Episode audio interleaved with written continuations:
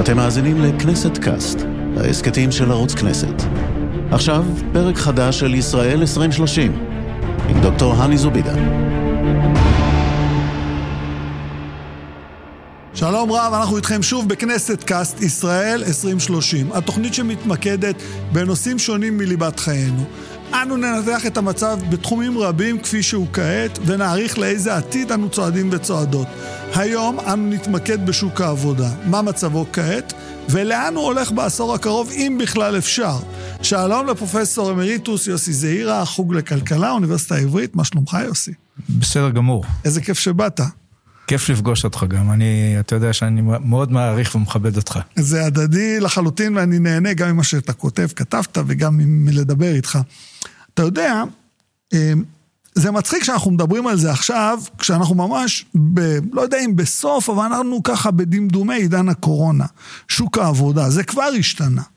אה, בשנתיים האחרונות אנשים עובדים יותר מהבית, אה, יש משרות שלמות שמנסים למחוק. אה, איפה אנחנו עומדים? קשה לדעת ב, בכל רגע נתון איפה עומדים. תראה, זה מזכיר לי, וגם דיברת על העתיד, יש אמירה ידועה של אה, שחקן הבייסבול יוגי ברה, שאומר, מאוד קשה לעשות תחזיות, בייחוד על העתיד. העתיד, אף אחד לא יודע. זה נכון. אבל... עכשיו, עכשיו גם, יש אנשים שאין להם ברירה, הם צריכים לעשות תחזיות. אם אתה עובד באוצר, או בבנק ישראל, אז אין לך ברירה, אתה חייב לספק תחזית. אבל אני לא, אני אקדמאי, אני לא חייב. אתה לא חייב שום דבר. יש לי את הפריבילגיה הזאת. כמו שאמרת קודם, אני, אני, יש לי הרבה פריבילגיות. ברוב המקרים אני חושב שצריך להתנגד לפריבילגיות. וגם אם אני נהנה מהם, אני בעד לבטל אותן. פריבילגיה של הגבר, של האשכנזי, של היהודי, וכן הלאה וכן הלאה. אבל הפריבילגיה הזאת, שאני יושב באקדמיה, היא פריבילגיה שהרווחתי אותה בעמל רב. ואני לא מוותר עליה, אני, אני משתדל, יש מעט דברים שאפשר לנבא את העתיד. עכשיו תראה, התופעה הזאת שאתה דיברת עליה, שיש הרבה מאוד עבודות שפתאום אנחנו לא צריכים, היא תופעה שאנחנו קוראים לה בדרך כלל אוטומציה, בז'רגון המודרני. ופה, אם תרשה לי להשוויץ, אני אחד הכלכלנים הראשונים שבעצם בנה מודל, כאילו מתמטי, מודל כלכלי מסודר של תהליכי אוטומציה. אפילו לא קראתי לזה אז, זה התפרסם ב-1998. אני ניסיתי לענות אז על שאלות כלליות של צמיחה כלכלית, אבל היום פתאום משתמשים בזה המון בדיבורים שיש היום על אוטומציה, חוזרים למאמר שלי דאז. ואפילו אני חזרתי לזה, אז יש לי מחקר חדש בנושא. עכשיו, זה נכון שהרבה מאוד מקומות עבודה הולכים לאיבוד, כי אנשים מוחלפים על ידי מחשבים, אינטליגנציה מלאכותית ודברים דומים. אבל התופעה הזאת היא לא חדשה. אנחנו חיים אותה מתחילת המהפכה התעשייתית. היה הרי המלחמה של הלודיטים, ש... שהם נלחמו נגד, המכון... נגד התעשייה של הטקסטיל, כי הם חשבו שזה לוקח להם את העבודה מהידיים, וזה לקח את העבודה. וכבר אז הם נלחמו, וממש היה מרד שהיו צריכים, הבריטים היו צריכים לשלוח צבא רציני כדי לדכא את זה. ומעלים את זה כל הזמן לאורך ההיסטוריה. יש ציטוטים מאמצע המאה ה-19, צרפתים אמרו את זה, ואנשים אמריקאים אמרו את זה, לאורך כל ההיסטוריה, שהנה הולכים לקחת לנו את הפרנסה. ובכל זאת, לאורך כל השנים, זה לא גרם לאבטלה משמעותית. אנשים מצאו מקומות עבודה אחרים. ואני מעריך שזה גם מה שיקרה בעתיד. שוב, קשה לנבא את העתיד. יש לי מחקר אבל תיאורטי שבונה מערכת, בונה מודל שמראה שככל שמקומות עבודה יילקחו על ידי מכונות ועל ידי מחשבים וכולי, יצמחו תמיד מקומות עבודה חדשים. בין השאר מפני שבסופו של דבר, ככה עובדת המערכת. אתה בונה סוג חדש של מכונה שעושה משהו, מישהו צריך לייצר את המכונה, מישהו צריך לנהל אותה, מישהו צריך לפקח עליה. תמיד נוצרים סוג חדש של עבודות, סוג חדש של תפקידים. יכול להיות שאני טועה, אבל ניסיון העבר עד היום, והניסיון הוא דומה, אתה מבין, אין הבדל מהותי בין מכונת תביעה או מכונת תפירה, ובין אה, מחשב שעושה את זה. בכל מקרה הם לוקחים עבודות של אנשים. תזכור, היו אפילו דברים שנראים כאילו אחרת, היו המצאות, למשל כמו רדיו. טלוויזיה, ש... שהציגו מוצרים חדשים, אבל הם גם לקחו עבודת מעובדים. ברגע שהיה רדיו, זה פגע מאוד בעיתונות המקומית, כי כולם יכלו לשמוע שידורי רדיו מהבירה. אחר כך צמח דווקא רדיו מקומי. רדיו מקומי, כן. נכון. אבל זה פגע למשל, הטלוויזיה וכולי, פגעו הרבה בתיאטראות המקומיים. אז היה לך, אנשים יכלו לראות טלוויזיה והלכו פחות להצגות, והתיאטראות המקומיים אה, נחלשו. אז צמח משהו אחר במקום. זה, תמיד הדברים האלה הם, אה, הם תהליכים שקורים כל הזמן, והם קורים המון. ובכל זאת, אה, שוק העבודה לא נפגע מזה בצורה דרמטית מאוד, עד היום. וסביר להניח שגם בעתיד, הנראה לעין, זה יימשך ככה. אז אני, אני כן רוצה רגע לחזור איתך, כי הלכת איתי למהפכה התעשייתית, תכף אני מחבר את זה. אני אתן לך דוגמה, למשל מתניהו אנגלמן, אה, מבקר המדינה, אומר, 45% אה, מהמשרות הישראליות בסיכון לקראת שנת 2030. ואני לא מתווכח עם הדיון הזה, אבל בוא כן רגע נחזור למהפכה התעשייתית ונדבר על ה-45% מהמשרות האלו. כי במהפכה התעשייתית, מה שקרה, הרבה מאוד אנשים עברו הכשרה חדשה לעולם המתועש החדש. נכון. היה מין טרנד אדיר, בתי ספר אה, מקצועיים, הכשרות מקומיות. גם היו הרבה תאונות, נזכור את זה, המון תאונות עבודה שעם השנים הבינו אנשים שאי אפשר פשוט, אתה יודע, כל יום שני לאבד יד למישהו, אז התחילו בטיחות וכולי וכולי. ואז עולה השאלה הבאה, האם אנחנו, בתוך המדינה שלנו, בנויים מספיק טוב כדי לעשות את ההכשרות לעולם העתידי הזה? אתה קראת לו עולם אוטומצי, מתוך מה שיש לנו. תראה, אתה צודק, אבל צריך לזכור איזה סוג של הכשרה צמחה. עד המהפכה התעשייתית, בעצם ההכשרות המקצועיות של אנשים היו מקבלים בבית. אבא בן. כן, אבא בן, חקלאות, מתעסקים הבת. בחקלאות, אז אני לא הולך עם האבא לראות את העדר, ואחרי כמה פעמים אני יודע יותר טוב איך לראות את העדר. הוא גם מלמד אותי איך לדעת אם יהיה גשם השבוע או לא יהיה גשם. אנשים העבירו מידע רב לאנשים. אבל זה לא היה מידע שמה שאנחנו קוראים השכלה, לא קריאה, לא כתיבה, לא חשבון, אלא מידע מקצועי יותר. וגם אם הילד רצה לא לעבוד בכפר, אלא להיות אה, נפח, אז הוא הלך והיה שוליה אצל נפח, ולמד מהנפח הוותיק יותר את כל המקצוע, ואפילו קיבל תעודה אחרי שבע שנים. אבל במהפכה התעשייתית זה השתנה, מפני שכבר לא יכולת ללמד, ללמוד מאבא ואמא את הכל. כי הטכנולוגיות מתחילות להשתנות לעיתים קרובות. ובאמת היה צורך במה שנקרא השכלה פורמלית. ללמוד בבית ספר, ללמוד לקרוא, ללמוד לכתוב, ואז אתה קורא את ההוראות על המכונה החדשה שמגיעה בעצמך.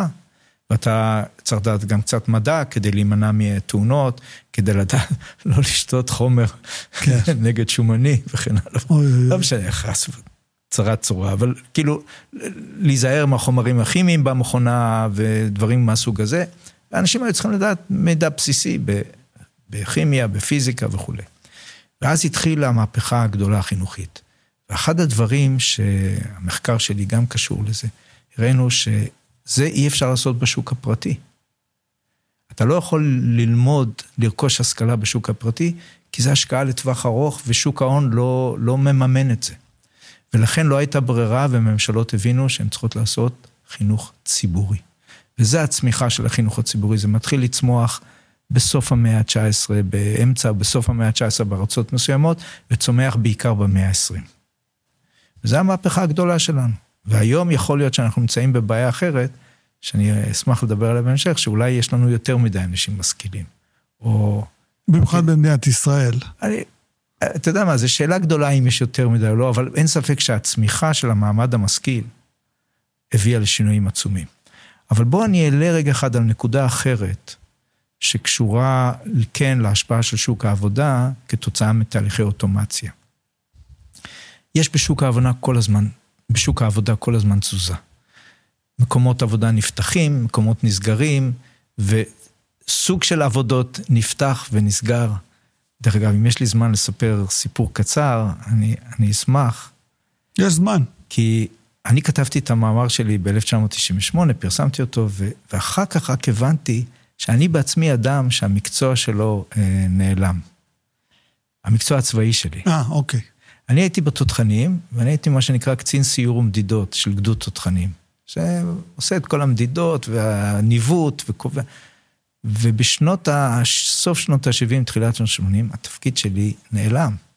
ה-GPS, כן. GPS, מטווח לייזר והג'ירו האוטומטי החליפו אותנו.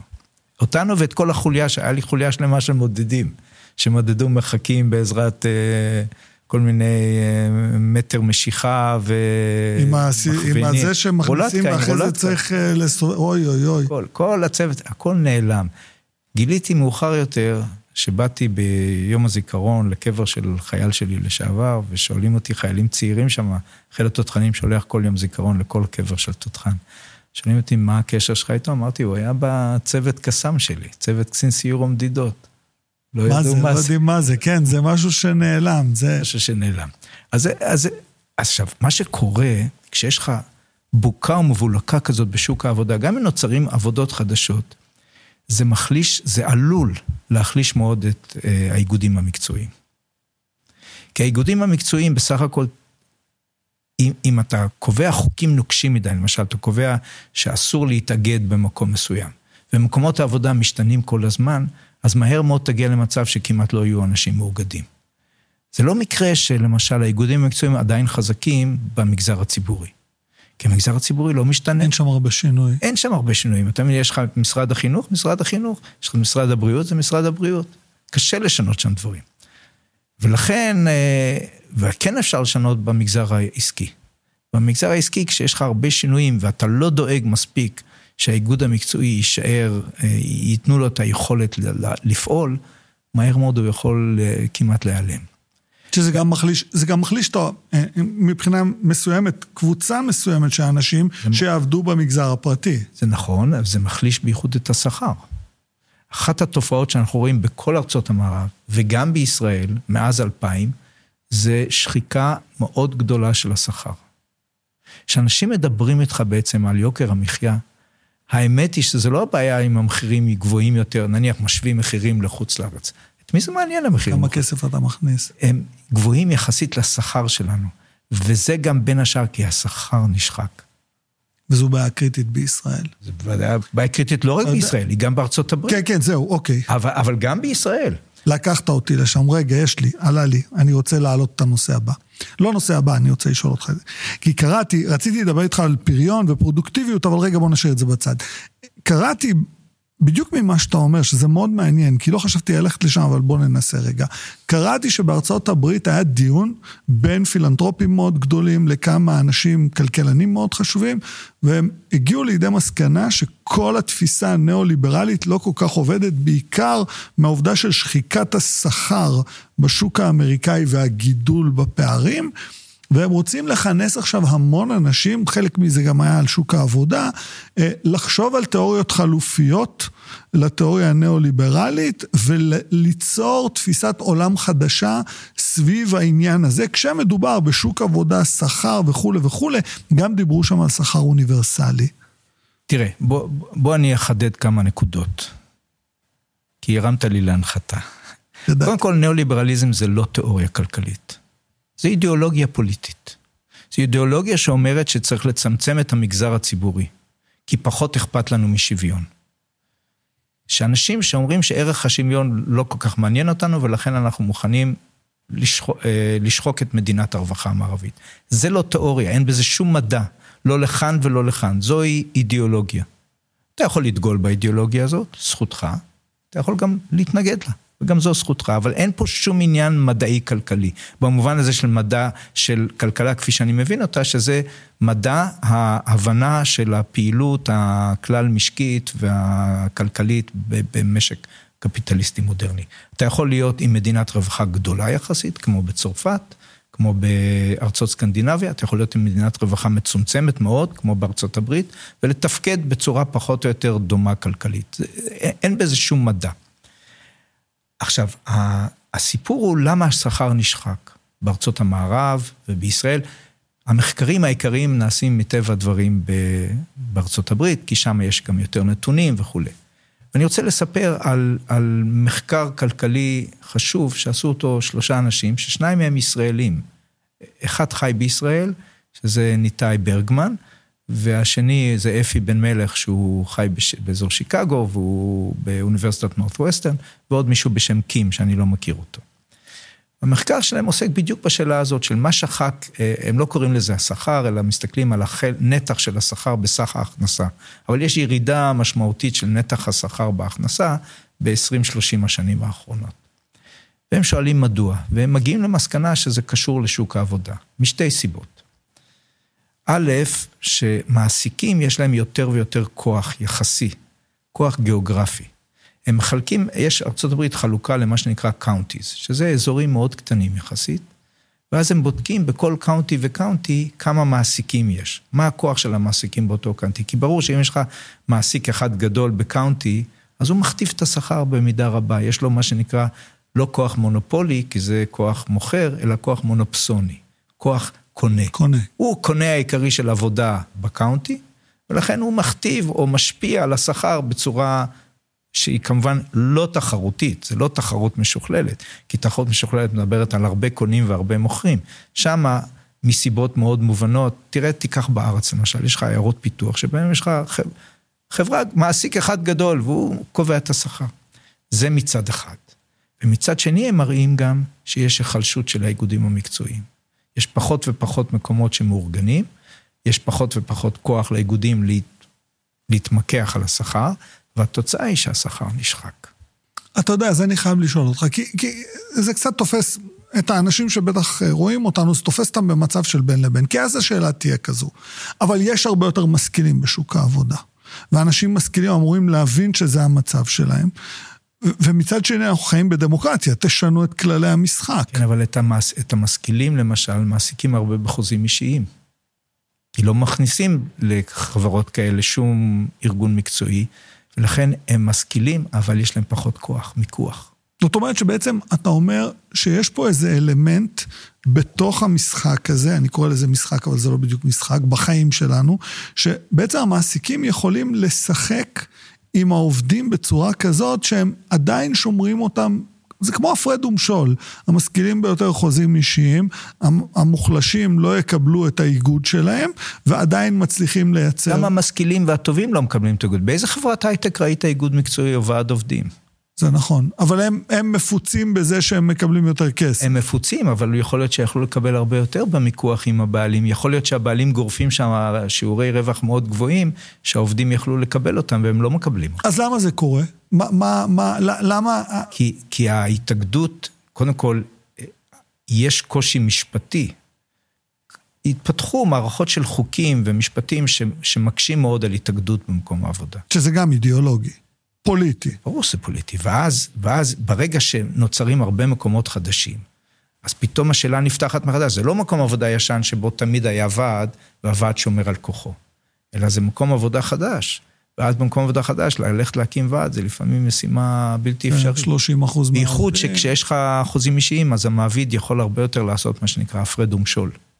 להפריד בין קבוצות, בין אנשים אפילו, וכן הלאה וכן הלאה. נניח הוא רואה שיש ניסיון של מישהו להתארגן, אז הוא יכול או להעיף אותו, או אפילו לקחת אותו ולתת לו ג'וב משופר או משודרג. להקפיץ אותו למעלה. להקפיץ אותו למעלה, אבל להשתיק אותו. הקפצה מושתקת קוראים לזה. אבל, אבל אז השאלה, אתה יודע, כי זה מדהים, כי מצד אחד אנחנו מדברים על מעבר לאוטומציה, ואתה אומר, זה מבורך, זה כמו כל המהפכה התעשייתית, ואני מסכים, ייווצרו עבודות חדשות. כן, זה פשוט קורה, אין לנו דרך להימנע מזה. AI, artificial intelligence וכולי וכולי. מצד שני, אנחנו מדברים על זה שנחלשים העובדים, והפערים, שחיקת השכר. הם לא בהכרח נחלשים. אוקיי. זה, פה זה קשור לניאו-ליברליזם. הניאו-ליברליזם קבע כל מיני כללים שמקשים מאוד על ההתארגנות. וברגע שיש לך מקומות עבודה חדשים, או סוג חדש של עבודות, קל לחסום את האיגודים. תראה, עכשיו בדיוק הצליחו סוף סוף להתאגד ולהצביע על התאגדות במקום עבודה חש... גדול מאוד של אמזון, אני לא זוכר כרגע באיזה מקום. במחסנים של אמזון, כן. לא, אבל לא בכל, יש מחסנים שזה 아, לא כן, כן הצליח כן, באלבמה, במדינה מסוימת, ועכשיו כן. במדינה מסוימת זה הצליח, אז עכשיו ממש יום, לפני יומיים זה קרה. זאת אומרת, זה כרוך במאבקים גדולים, מפני שאתה צריך, אתה צריך ללכת לנהל מאבק כדי, לזכות להקים ועד בכלל. כי, כי החוקים הם, הם מאוד החמירו בעניין הזה. אבל החוקים, כאילו, אני, אני, אני רוצה להקשות רגע בעניין יש הזה. יש למשל את החוקים, בארצות הברית זה החוק הידוע ש... העביר בית המשפט העליון על זה שלמשל, אה, אם אתה במקום עבודה ויש לך הסכם שכר קיבוצי, שהוא מועבר על ידי האיגוד, וממנו נהנים כל העובדים בענף, גם כולל כאלה שלא, שלא בעניין. אז יש, עד עכשיו היה מצב שהאיגוד היה יכול לגבות סכום מסוים מהאנשים האלה. אז בית המשפט העליון בארצות הברית, שהוא ימני מאוד, שהוא רפובליקאי. שמרן. שמרן העביר, העביר חוק שאי אפשר לכפות על עובדים לשלם את זה. למה לא? מה שנקרא בכלכלה, אה, אה, אנשים נהנים ממשהו ולא חייבים לשלם. פרי ריידר. פרי ריידר, כן, רוכב חופשי. אז uh, יש כל מיני, העסק פה כרוך גם בתהליכים פוליטיים ומשפטיים, ואתה יודע, בתי משפט זה לא דבר אובייקטיבי. כן, ברור לי. ו- והם נקבעים על ידי ממשלות, ולממשלות יש לובים ולחצים של ארגונים כלכליים וגורמים כאלה. וזה זה הכל סביב הסיפור של ניאו-ליברליזם. ניאו-ליברליזם זה לא רק צמצום מדינת הרווחה במובן של צמצום ההוצאות של הממשלה, שזה דבר חשוב, אלא גם העניין של המתן היכולת לשחק לאיגודים המקצועיים ולהגביל את יכולת המשחק שלהם כל כך, שהם הולכים ונחלשים וכולי. החלופה, ואני חושב על זה, אתה יודע, יש כאלה אנשים שאומרים, אה, להייטק לא צריך השכלה, אני לא, אני לא מסכים עם זה. יש כאילו דיון שכאילו בעולם העתידני השכלה תהיה מיותרת, יש כאלה כבר שמדברים על זה, זה, זה כן, בדיוק אותו פרצוף אני אעשה. לא, המחקרים מראים אחרת. בדיוק. המחקרים, למשל, המחקר שאני עשיתי בארץ, שהוא לא מחקר דגול, בספר שלי, אני מביא את זה בעיקר כדי ללמוד את... ההשפעה של הלימודים על שכר היא גבוהה מאוד, והיא גבוהה כמו בכל הארצות האחרות, זה בערך אותם מספרים. ככל שאתה יותר משכיל, אתה תקבל יותר כן. כסף, ואז יש... תראה, זה ברור שזה הולך וקטן. כלומר, אם אתה עושה כיתה א'-ב', אתה מקבל תוספת של 13% מהמשכורת. אם אתה עושה שנה נוספת באוניברסיטה, אתה מקבל תוספת של 8% למשכורת, בממוצע. אבל עדיין יש לך מין ממוצע של כמעט 10%. תשמע, כשאני מדבר עם אנשים צעירים בכל מקום, זה המסר העיקרי שאני מביא להם מכלכלה. כלכלה אומרת, תלכו ללמוד, כמה שתלמדו יותר, תרוויחו יותר, תרוויחו יותר, תשפרו את חייכם. זה הדבר העיקרי. ואז עולה השאלה שלי, כל אלה שלומדים, הרי אנחנו גם, גם אתה וגם אני באקדמיה, אנחנו לא רק מלמדים אותם את המטריה שלנו, אנחנו מלמדים אותם לחשוב, אנחנו מלמדים אותם ללמוד, אנחנו רוצים שהם יוכלו להתפתח מעבר למה שקרה באותה דקה בכיתה, כי הרי שתי דקות אחרי מישהו יכתוב מאמר אחר והם יצטרכו ללמוד אותו. והשאלה שעולה לי בראש זה, כל האנשים האלה שאתה מדבר עליהם, ובמובן הזה של הניאו-ליברליזם שאתה מדבר עליו כמצמצם אידיאולוגי של העולם, יש סיכוי שבעולם העתידני הזה שאנחנו מדברים עליו, בלי לדבר עליו, אבל כן, מישהו יבוא ויגיד, רגע, יש פה משהו מקולקל, בוא נשנה את השיטה. כי זה לא תמיד היה ככה, זה לא תמיד היה ניאו-ליברליות. לא, לא, זו תופעה, הניאו-ליברליזם צמח פחות או יותר משנות ה-80 וה-90. הוא קשור... הוא קשור, ל, הוא קשור לשינוי, תראה, הוא קשור גם לנפילת ברית המועצות. כי לפני נפילת ברית המועצות אנשים חששו, בייחוד באירופה, שהפועלים יהפכו להיות לקומוניסטים. כן. כי בסך הכל ברית המועצות תפקדה איכשהו, נתנה לאנשים חינוך, בריאות וכולי, יותר טוב ממה שרוסיה נותנת כן, היום. כן, דפנטלי. אז, אז, וכשזה התמוטט ונפל, אז פתאום הפחד הזה נעלם, ואז אמרו, אוקיי, אפשר לדפוק אותם עכשיו. Hmm. זה א', אבל תראה, היו, היו כל... זאת אומרת, אתה בעצם אומר שהמהלך של התמוטטות ברית המועצות לא אמר, הנה תראו, סוציאליזם לא עובד, בואו נהיה ניאו-ליברליים. פגע בסוציאל דמוקרטים.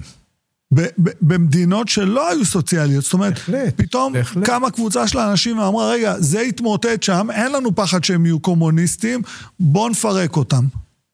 פחות או יותר, בואו בוא נתחיל לקצץ במה שהם מקבלים. נקצץ. תאצ'ר, רייגן. תאצ'ר, רייגן, ואחר כך אה, גם, ו... אבל פה הבעיה הגדולה.